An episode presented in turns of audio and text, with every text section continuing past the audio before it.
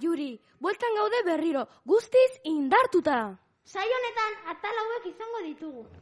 Elkarrizketa, Diskoen eskaintza, ipuña bertsoak, eta lehiaketa. az gaitezen elkarrizketarekin.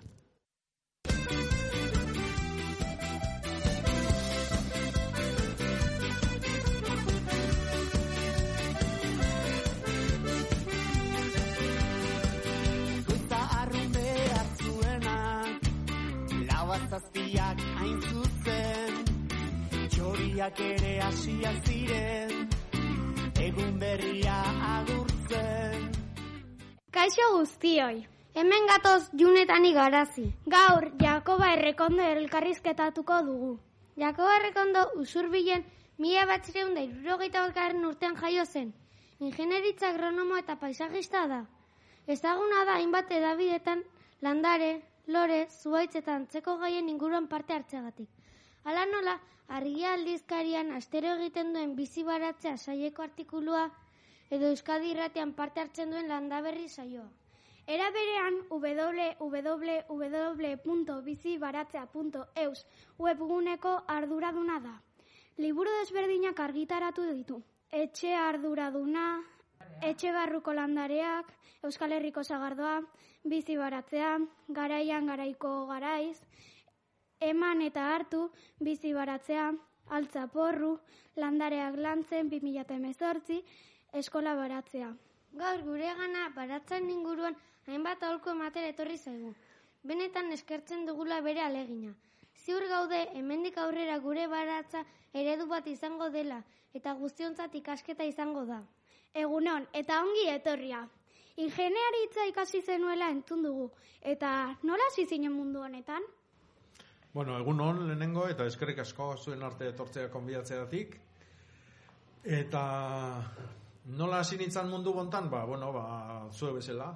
Aurban itzanean, ba, ingurun ikusten nitunak, ba, amonak eta izebak baratza egiten, aitak e, zerrategi bat zeukan eta orduan ba, egurra mozten eta basuan ibiltzen, eta orduan ba, orduan hasi zitzaizkian gai hauek gustatzen.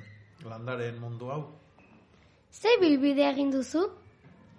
Zei bilbide, ba, bueno, ba, ikasketa bukatu nitu nian, hasi nintzen gureaken lanian, e, ba, bueno, ba, e, jende hango langilea idi balorazantza erakusten, eta ba, gero hortikan ba, zerainera etorri nintzen lanea, hemen goierria, hemen ba, bueno, ba, paisaiakin lana egiteko, eta eh, herri lurrekin, mm, naturarekin lotutako turismoa, eta bertako produktua, baserritarrekin, eta bar, Eta, ba, bueno, guain, ja, azken urte hauetan, dedikatzen naiz batez ere, ba, komunikazioa, orduan, ba, irratian, liburuak idaztera, argian artikuluak idaztera, hitzaldiak, ikastaroak, eta bar. Euskaldunok urbanita garela entzun dut. Baratzen ustiapenean eragina ba aldauka? E, urbanita gea, bai, Euskaldun gehienak urbanita gea. Eh? Naiz eta baserrian bizi, mentalidadea ja asko aldatu zaigulako, eta pentsatzen degulako hiritarrek bezala. Eh?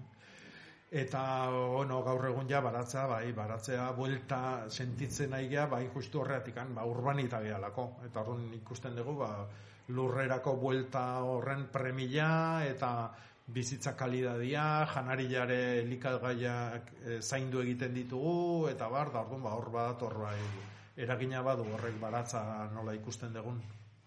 Gaur egun zein da baratzen egoera? Baratzen egoera, buf, uf, ikusi mirko genuke, baratze bakoitza mundua da.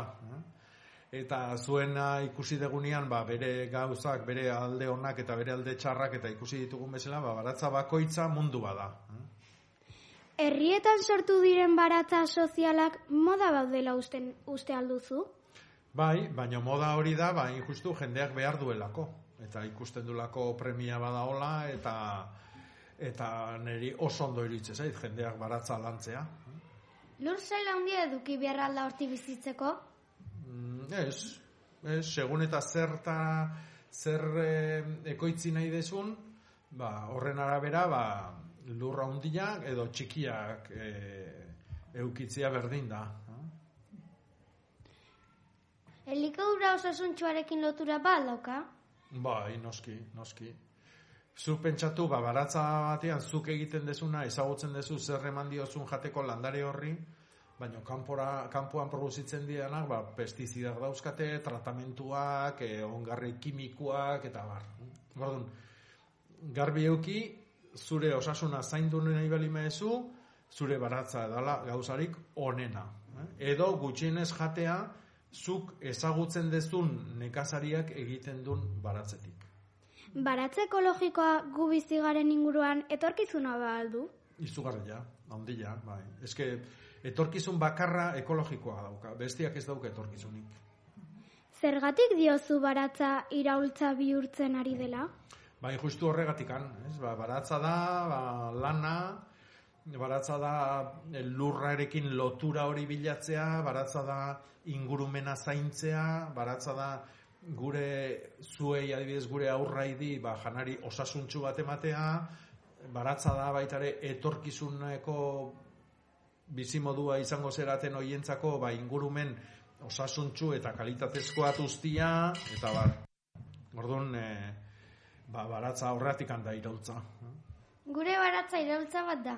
Gurasoen laguntzarekin, COVID-arekin sortu zen.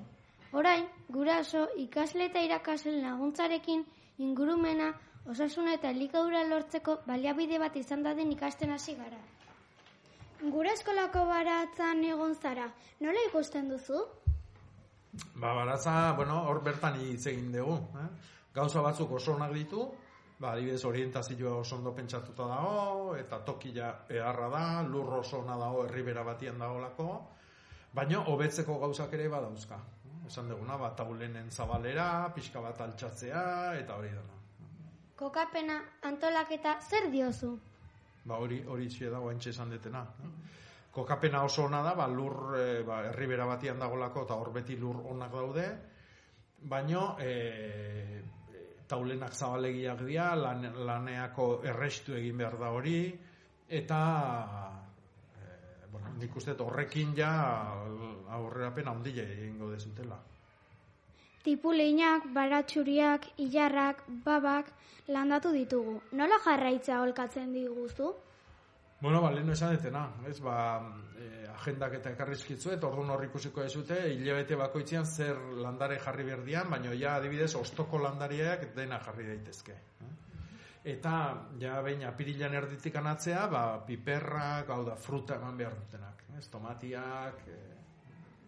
Zuk ematen dituzun alkoen artean, lurrak karetu behar dela diozu, beharrezkoa alda? Bueno, beharrezkoa ez da, eh? baina lur batzun behar dute. Eh? Orduan, ikusi behar dezutena da, zuek daukazuten lur horrek behar duen edo ez. Eh? Orduan, horretarako, ba, ensaio simple-simple bat egitea oso erresa da, eta horren jakingo dezute lur hori azidua dan edo ez. Eta azidua balima da, hemen Euskal Herri e, Atlantiarrian, hau da, ez etasuna ondila dakaun Euskal Herri jontan, ba, lur gehienak azidua ria. Horren horregatik karetzeak laguntzen du landaria hobeto bizitzea. Baratzako mozorro txikiak zeinekin eduki behar dugu kontu handia? Bueno, e, zue pentsatu behar dezu ezen bat eta mozorro gehiago, hobe. Hau da, mozorro gehienak lagunak ditugu. Orduan, e, gutxi batzuk dia kaltegarrik. Ez, ba, zorriak diala, e, bariak edo barraskiluak ba, jan egiten dituztelako ostuak, eta bar. Orduan, hoiekin kontu eki behar duzute, baina besteekin, zenbat eta gehiago, hobe. Tomatea landatzen ditugunen, berala erdoiltzen dira. Ba aldago sekreturen bat tomatearrak izateko? Ba, sekretu asko daude. Hm? Adibidez, tomatea jarri behar da tontor baten gainean, sustraiak egongo diran tokian asuna sartu behar da, ostu, asunan ostuak usteltzen juteko, tarte handia utzi behar da, eguzkia esan duguna beheraino sartzeko eta landare dana berotzeko. Eh? Orduan, e, bueno, sekreto e, trikimailu oso gutxi batzukin, e, tomatia ekartzia ez da komplikatua. Eta, bueno, bizi baratzea liburua badaukazute hemen liburutegin, ba, han begiratu trikimailuak, eta oso simplia dira. Goazen baratzako tresnak aztertzera. Zeintzuk dira ezinbesteko tresnak? Bueno, ezinbesteko ezinbestekoak dira atxurrak, haundia eta txikila, eta gero ba, landatzeko ba, nahi behar zuten makil batzuk edo burni txiki batzuk edo eh? hau da e, ez da tresneri izugarri bihar baratza bat egiteko Bizi baratza saioan, landare, zuaitz, loreta zaritzen zara. Gure inguruko basoak nola ikusten dituzu? Basuak, ba, bueno, ba, hemen e, mendila esango genduke, mendietan dauzkagun zuaiztik edo basuak, ba, danetatik dao. Eh? Hemen adibidez, hemendik ora bitu ezke ara larraldea, basuek badauzkatzue izugarrizko baso dotoriak, baino pinudiak ere hor daude, hau da landatutako basuak, baso ez naturalak dianak, ba, hor arazuak daude, bagaitzakin, e, lurrean daukaten eragina, eta bar. Eh? Orduan, ba, gure basotan danetati daukagu. Oso baso onak eta naturalak eta bioaniztasun handia daukatenak, eta beste batzu, ba, erdipordikuak. Pinudien bandan marroia oraindik arriskutsu alda? Bueno, pinudien banda marroia da ontio bat, gaitza bat, eta orduan hori e, garatzen da ezetasuna handia dagoen urteetan. Adibidez, orain dela bi urte izugarrezko ezetasuna eduki genduru dara guztin, eta orduan erasua bere kaltia handia izan zen. Adibidez, lehen urtean, 2008an udara beroago eduki dugu, eta orduan askoz gutxiago garatu da, eta sanoago egon dia pinudak. Baratzentzat kaltegarria alda. Ez, ez, ez, ez. Pinuari erasotzen dio. Bueno, pinuari eta bere familiko batzuei. Baratzeko osasun ona aldute? Bai, gehiena bai. Gehiena bai. Ondo zaindutako baratzak osasuntxuak dira, bai, bai, bai. Gure baratzak erizain asko izango ditu, eta horrela jarraitzeko zer ez genuke egin beharko? Bueno, ba, esan dizuet, mangera hori askatu, eta saldu. Jarri hor bide ondoan puesto txiki bat, eta berzainek erosi nahi du. Hori ez dezute egin behar, gehiegi ureztatu. Urte osoa baratza izan nahi baduzu, negutegia behar beharrezkoa ikusten alduzu? E, ez, hau da, bizi nahi badezu horretatikan bai. Eh? Negutegiak egit- egiten du lagundu. Eh? Baina zue pentsatu hemen neguan ere, ba, porruak, azak, azenaiuak, koliflorak, brokoliak, eh, azelgak, borrajak, eh, oiek danetatik euki dezakezuela. Eh? Orduan, ezin deguna da pentsatu udarakoa dan gauza bat neguan euki. Baina urte guztin eh, edukitzeko barazkiak badaude. Bai, Gure baratzari etorkizuna ikusten aldiozu? noski. Zuek, zeate, zuen barantzako etorkizuna. Orain deno jarraitzeko aholku batzuk ematea eskatzen dizugu.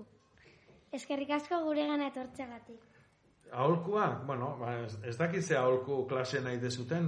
Heleno esan deguna, ba, gutxiago ureztatu, e, eta, e, bueno, altxa, lehen esan duguna, taulena altxa ezkero lagundu egingo diozute, lurran lehorragoa egingo da, beroagoa, eta zuek askoz erresago lana egin- egingo dezute. Orduan, zuentzako ere gusto gehiago izango da, baratza jutia, ba, dena hobeto egongo dalako. Eh? Eta gero nik gomendatuko nizuekena da, inguruan, eskinatan, taulenen bukaeratan, eta eskinatan eta loreak jartzia. Hoi oso importantia da. eh? Hau da, loreak egiten dutena da, erleak erakarri, beste polinizatzaileak erakarri, eta hoi baratzeko landareentzako ere oso ona. Orduan, ez astu loriakin. Eta ze motatako lorea? Loriak, e, sendabelarrak, e, usai, usaileko landariak aromatikoak, eh? ba, danetatik. Eh? Hor eh, utzi dizueten liburuxka hortan azaltzen dira. Eh? Baina e, zondabelarrak, labandak, izpilikoa, e, e, eskaia, tomilua, erromerua, eh? mentak, horiek danak oso onak dira. Eh? Eta gero loret, loretan bat ajetiak, bueno, danetatik, kanpoan ikuste dituzuen danetatik, larrosak, eh, hau da, ez pentsatu bakarri barazkitan, baizik, lorea. Eta horiek edozen em, tokitan jarri Bai, behar die, oza, bai. ezin da, Ba. ez da duki Bu- behar buelta guzti. Buelta guzti, Bai. naz- naztea badaude, ez? Bai, bai, gertatzen dena da, batzuk eh, urteko zikloa dutenak nahastu daitezke, baina adibidez erromerua urte asko biziko Ja. dana, ba, ertza batian jartzen dizu. Eskerrik asko gure gana etortzeagatik. Eskerrik asko zuei, eta haber suertia dezuen barantzakin. Agur. Agur.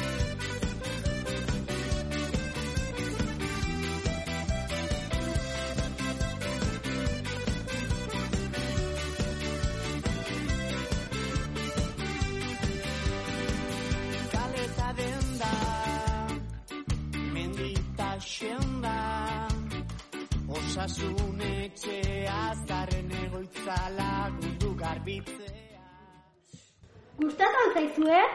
Orain diskoen eskaintza. Aurrera!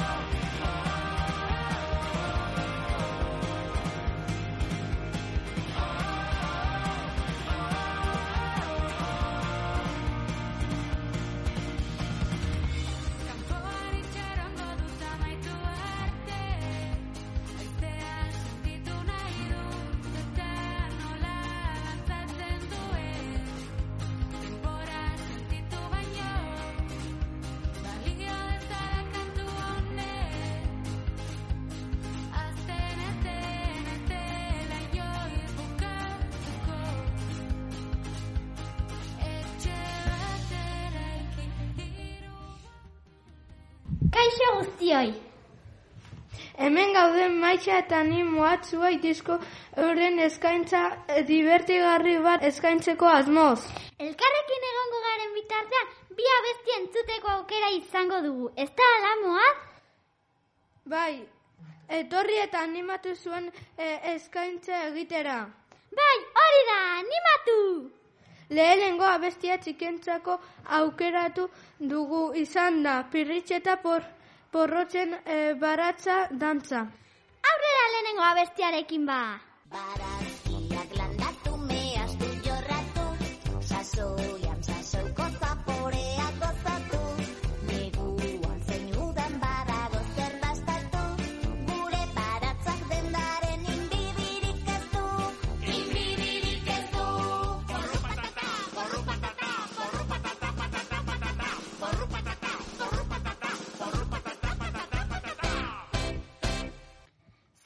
telefonoaren bestaldean? ULH-ko biberekoak eta eskaini nahi dio gela guztin parte zeizi Mariai martxoak amazazpin bere bere betetzea dalako. Bueno, ba, zorionak gure partetik eta aber ondo pasatzen den bere une. Zorionak! Agur, kaixo, nik eskaini nahi diot nire lengu fui martxoak bosten bere urtek izan zirelako. Bueno, ba, zorionak gure partetik eta espero deu ondo ondo pasauko zola bere une. Agur. Nik nire lengu zulizarri nahi diet eskeni e, bere urtek izan zielako martxoan zortzi. Pues urtekin zituen da nahi zorionak eta zure lenguzu ire bai. Agur. Agur! Tipura gatorrilako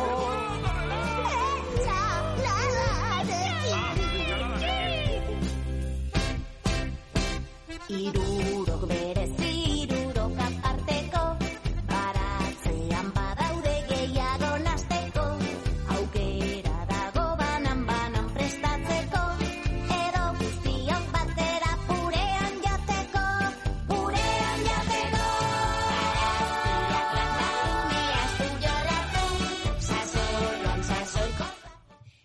Zein etorri zaigu? Gula urteko gea eta eskeni nahi diegu luai eta zeiz luai eta azkar azkar etortzeko. Ba, zoriona gure partez. Eta azkar sendatzeko. Kaixo, ni lau urtekoa nahi eta eskaini nahi diot nire amonai ustek izan zielako. Ba, izan zorionak gure partetik. Agur. Zoian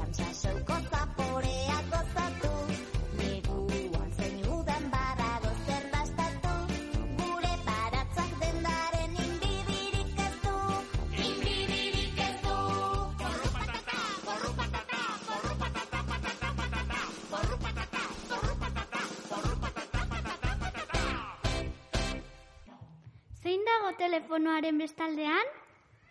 Kaixo, ni naia naiz, LH bosbekoa, eta nahi diot eskaini nire lenguz, gure lenguzuanei, lengo iganden bere urtekin zitulako.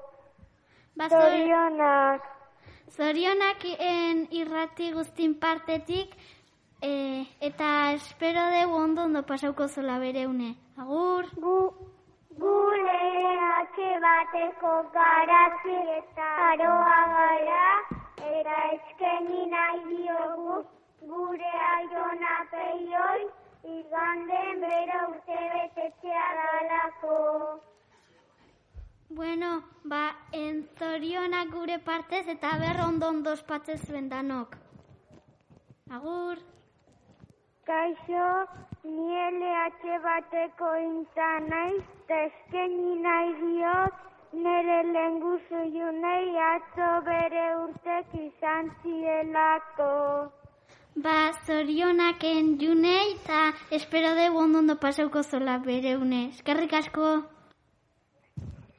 Kaixo, ni LH bateko irati naiz, eta eskaini nahi dio nere amai urrungo larun baten bere urte dielako, eta ostiralen ezin diotelako zorion du jaidalako. Bueno, ba, zorionak ur, en, zure amai eta ber oso, ondo ondo ospatze zuen danok. Agur! Agur! Porrua naiz gorputz finta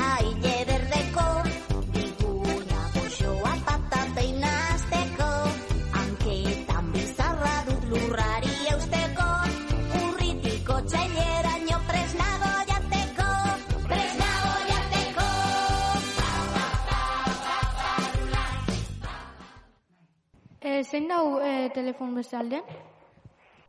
Ni laugarren mailako lur naiz, eta eskeni nahi diet. Ainoa, Amaia eta Lili, ea laizter eskola etortzen dien. E, ea laizter itortzen dien. Agur! Gu laugarren mailako itoiz eta garazilean, eta eskeni nahi dizuegu oso ondo izatelako. Haupa zeigarren maila! Eskerrik asko! Agur! Agur!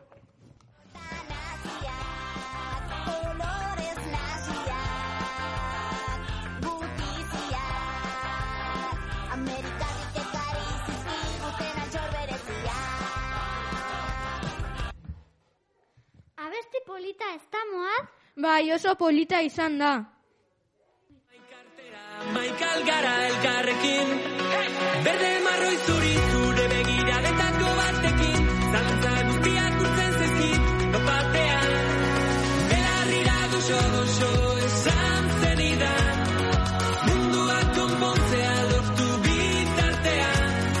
Segi dezagun dantzan. Zein dago telefonon bestaldean?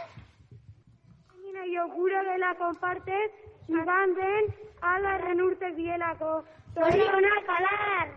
Bueno, zorionak gure partetik alarri. Agur!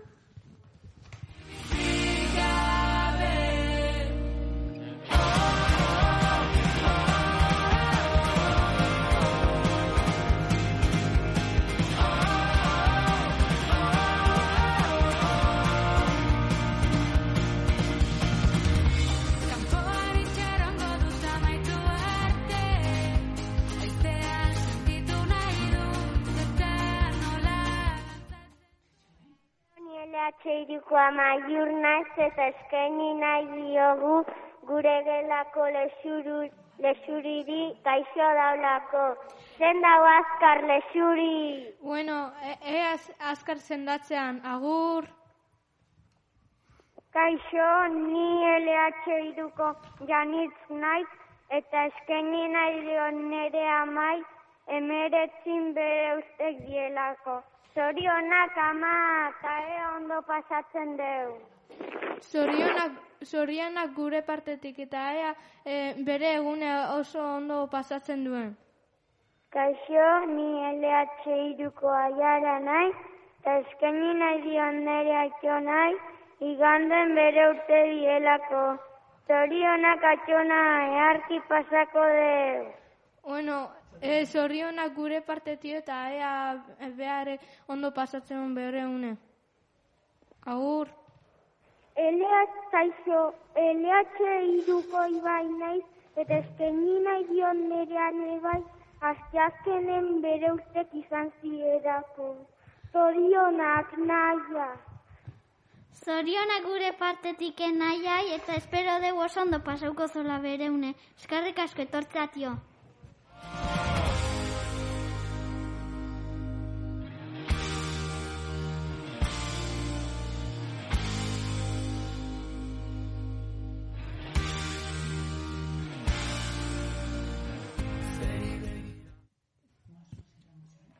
Bostako unaz eta abdelgea, eta azkeini nahi deuele H bost beko alarri, iganden bere urtek izango jelako, eta ia ondo pasatzen den. Zorionak alar! Zorionak alar eta ea ondo pasatzen zure urtebetzea. Agur. Bueno,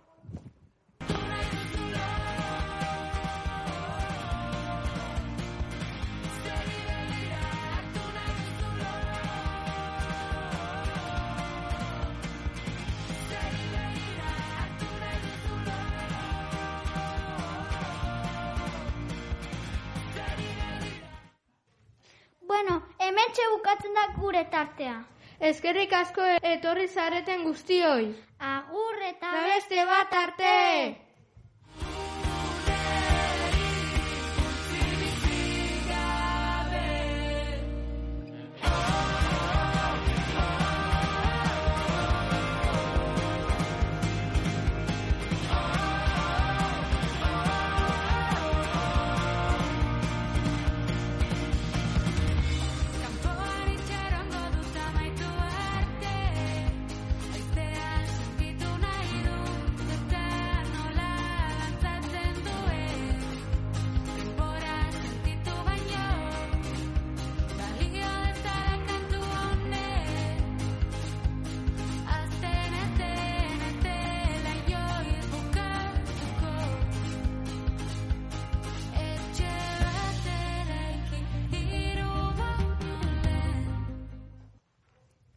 Ederki egin du bikote honek.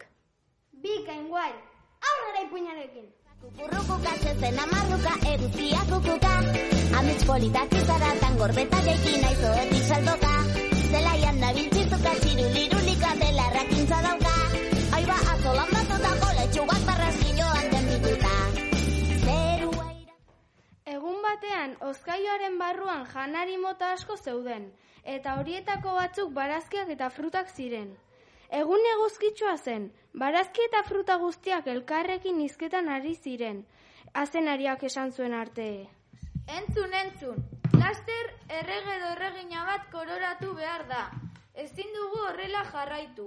Ideia desberdina ditugunean, erabakiak hartuko dituen lider bat izan behar dugu.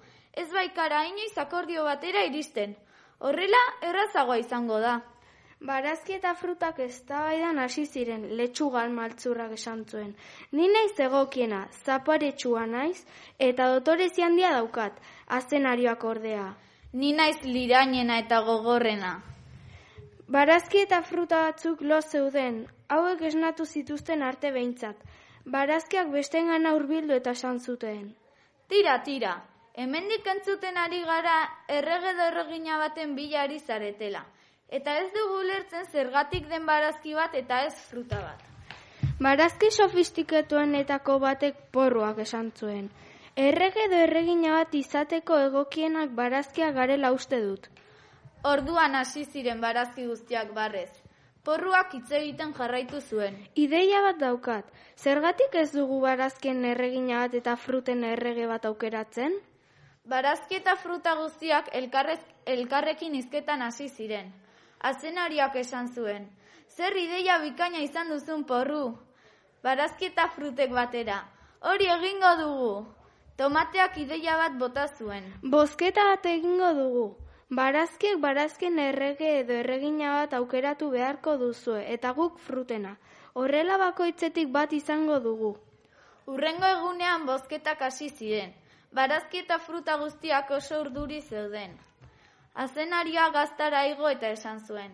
Hasi daitezela bozketak. Eguerdia igaro zen, eta azkenean amaitu ziren bozketak. Tomatea gaztara igo eta esan zuen. Botoak zenbatzen hasiko gara. Papertxoak ateratzen hasi ziren, eta hamar minuturen ondoren oihu egin zuen. Jaun Andreok, irabazleak nor diren jakiteko ordua da. Sagarra eta zenaria izango dira gure lider berriak. Barazki eta fruta guztiak oso pozi jarri ziren ura entzutean. Handik aurrera oso lagun onak izan ziren, eta ez zuten gatazka gehiagorik izan. Beste iritziak entzun eta besteak kontuan hartuta erabakiak hartzen zituzten, bi buruzagi baitzituzten. Barazki eta fruten matxinadak gutxi iraun zuen.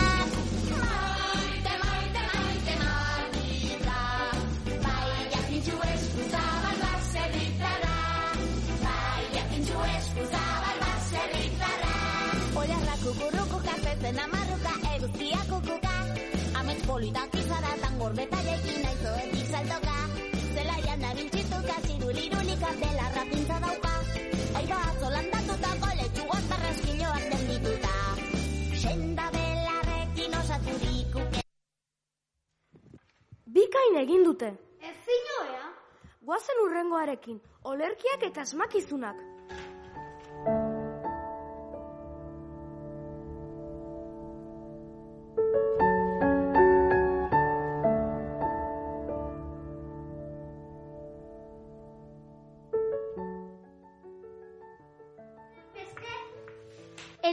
Bete este. Inoiz edo beste, on egin etxe beste. Ezagutzen duzu Joakin? Ze Joakin? Juan eta Jakin. Nekatuta jaio, nekatuta bizi. Jatetuten jogurta ere ez dute merezi. Pinpili pausak kaluputxi, txintxili palo txiribiri, txiripitona maripanpalona, atximatxia atximitxi, tximeleta txiripiri, mitxeleta txaluputxi, ez dituzu ez izen gutxi.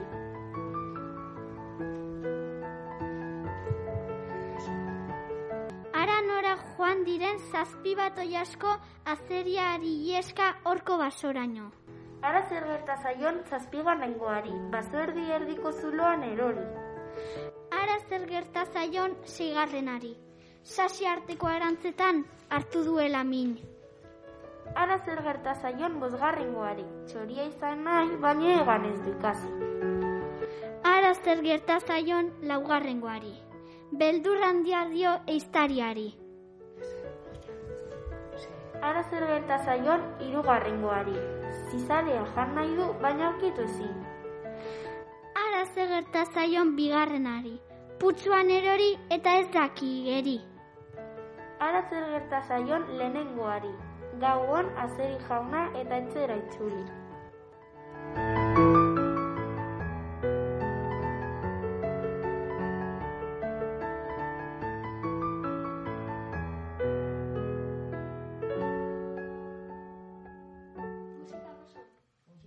Orain azkeneko. Lehiaketa!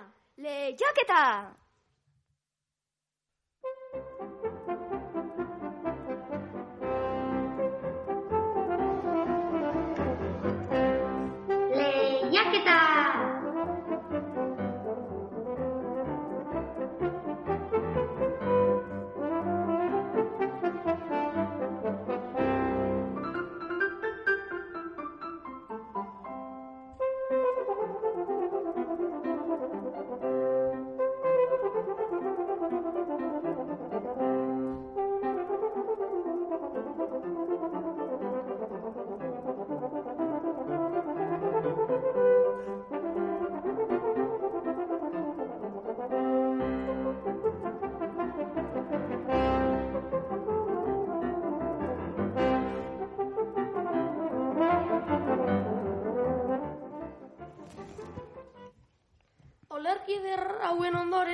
Rauletan ni lehiaketarekin gatoz. Bai, nire ere asko gustatu zaizkit, baina guazen lehiaketarekin astera. Eskolako telefono zenbakia hau da. Behatzi lau hiru, bat zortzi, 00, behatzi bost. Berriro errepikatuko dugu. Behatzi lau hiru, bat zortzi, 00, behatzi bost. Hau da gurasoentzat kaldera. Zertan egiten du lan Jakoba errekondo? Berriro errepikatuko dugu. Zertan egiten du lan Jakobak?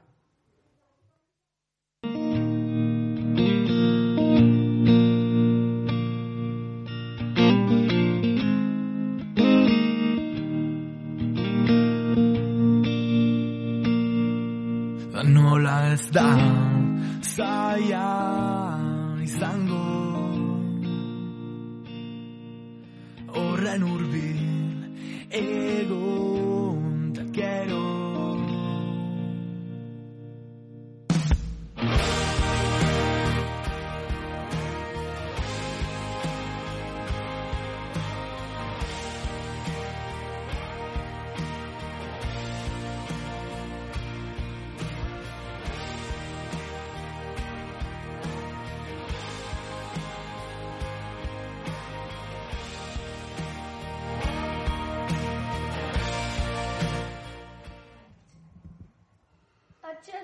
Atxe-atxeko entzat hau asmatu... Atxe-atxeko entzat hau hau asmatu behar duten asmakizuna. Landare osto handiduna. Ensaladan jaten da. Tomatea du lagun, gehiegi pentsatu gabe erantzun dezagun.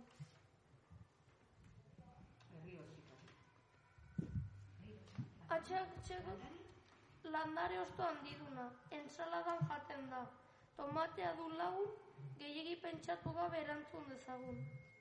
Horren urbil egon da gero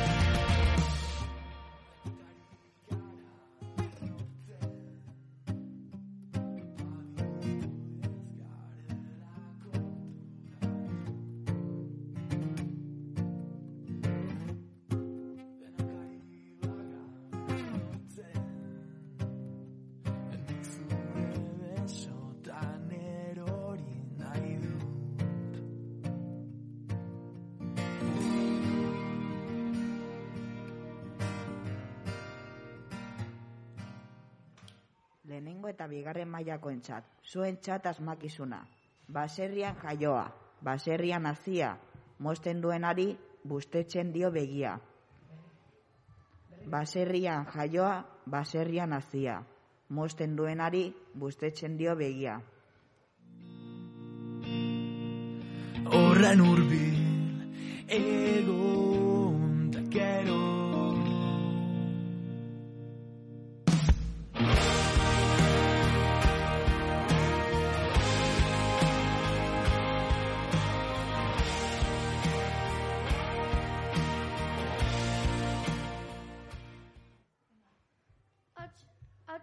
pare bat ikasle etorri di eta zein da zuen erantzune. Letxuga. Letxuga. Oso ondo erantzun dezu, zuen erantzune gordeta geuko da. Agur.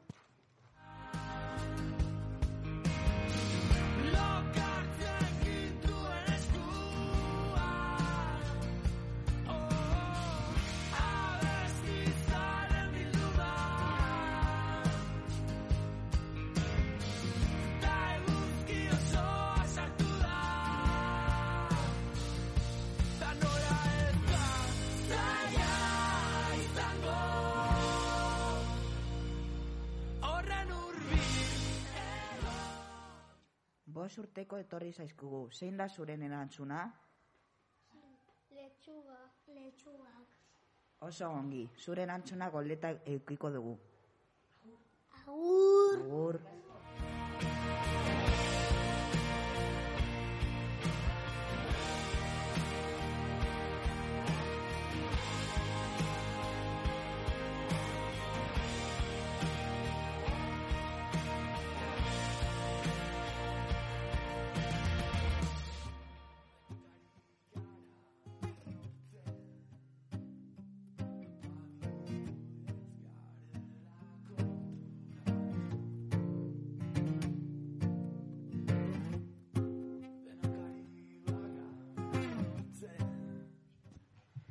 Lehenengo mailako ikasle bat etorri zaigu. Zein da zure erantzuna?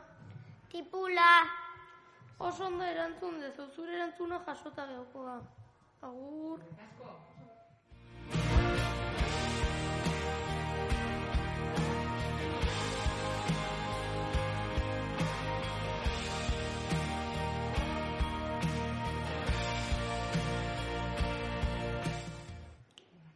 LH eta laugarren mailakoentzat.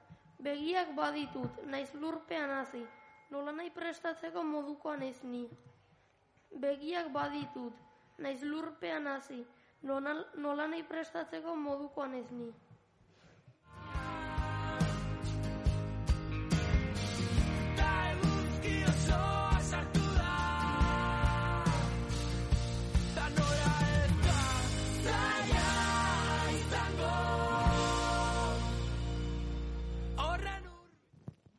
Hiru urtekoak etorri dira. Zein da zure erantzuna?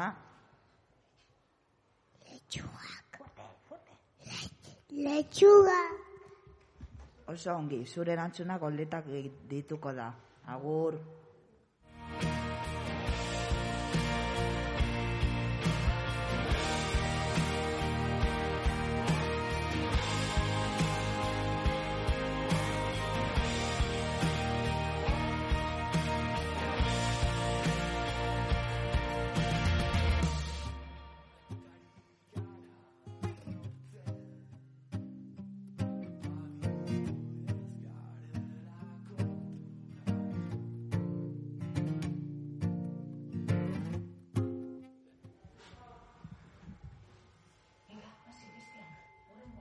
Azkenik boskarren maila kontxat, aritzen fruitua, txerrien amets, atorra igarri baietz, igarri harin mesedez. Aritzen fruitua, txerrien amets, atoan igarri baietz, igarri harin mesedez.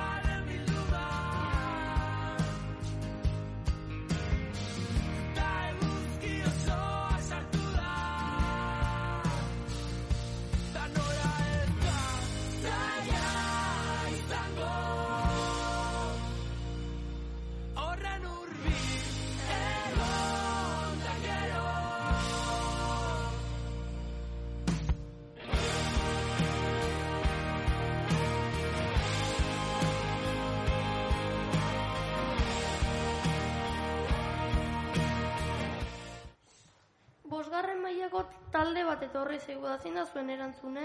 Eskurrek. Oso ondo erantzun dezu, zuen erantzune gordeta ge- geldituko da.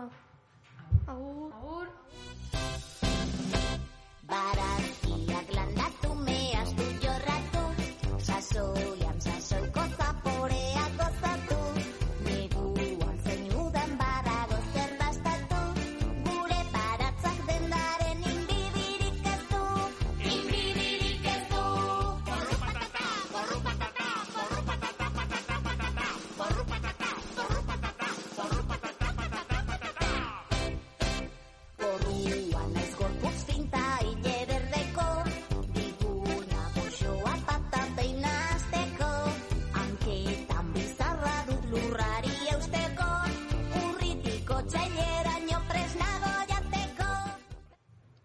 mailakoa etorri da. Zein da zure erantzuna? Ez gaude ziur, baino en uste deudela patata. Oso ongi, zure erantzuna gordetak dituko da. Agur. Amerikarik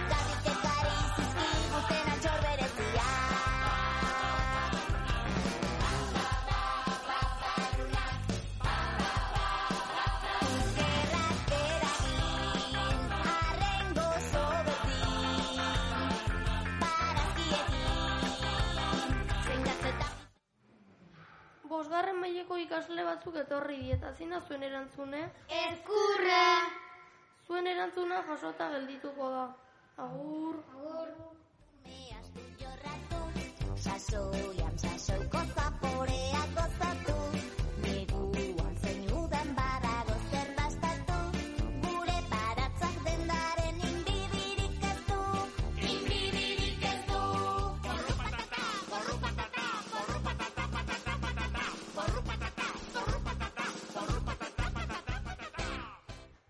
LH lauko bitugote bat etorri da. Zein da zuren erantzuna? Patata! Oso ongi, zuren erantzuna gordeta geldituko da. Agur. Urrari eusteko, urritiko txaileraino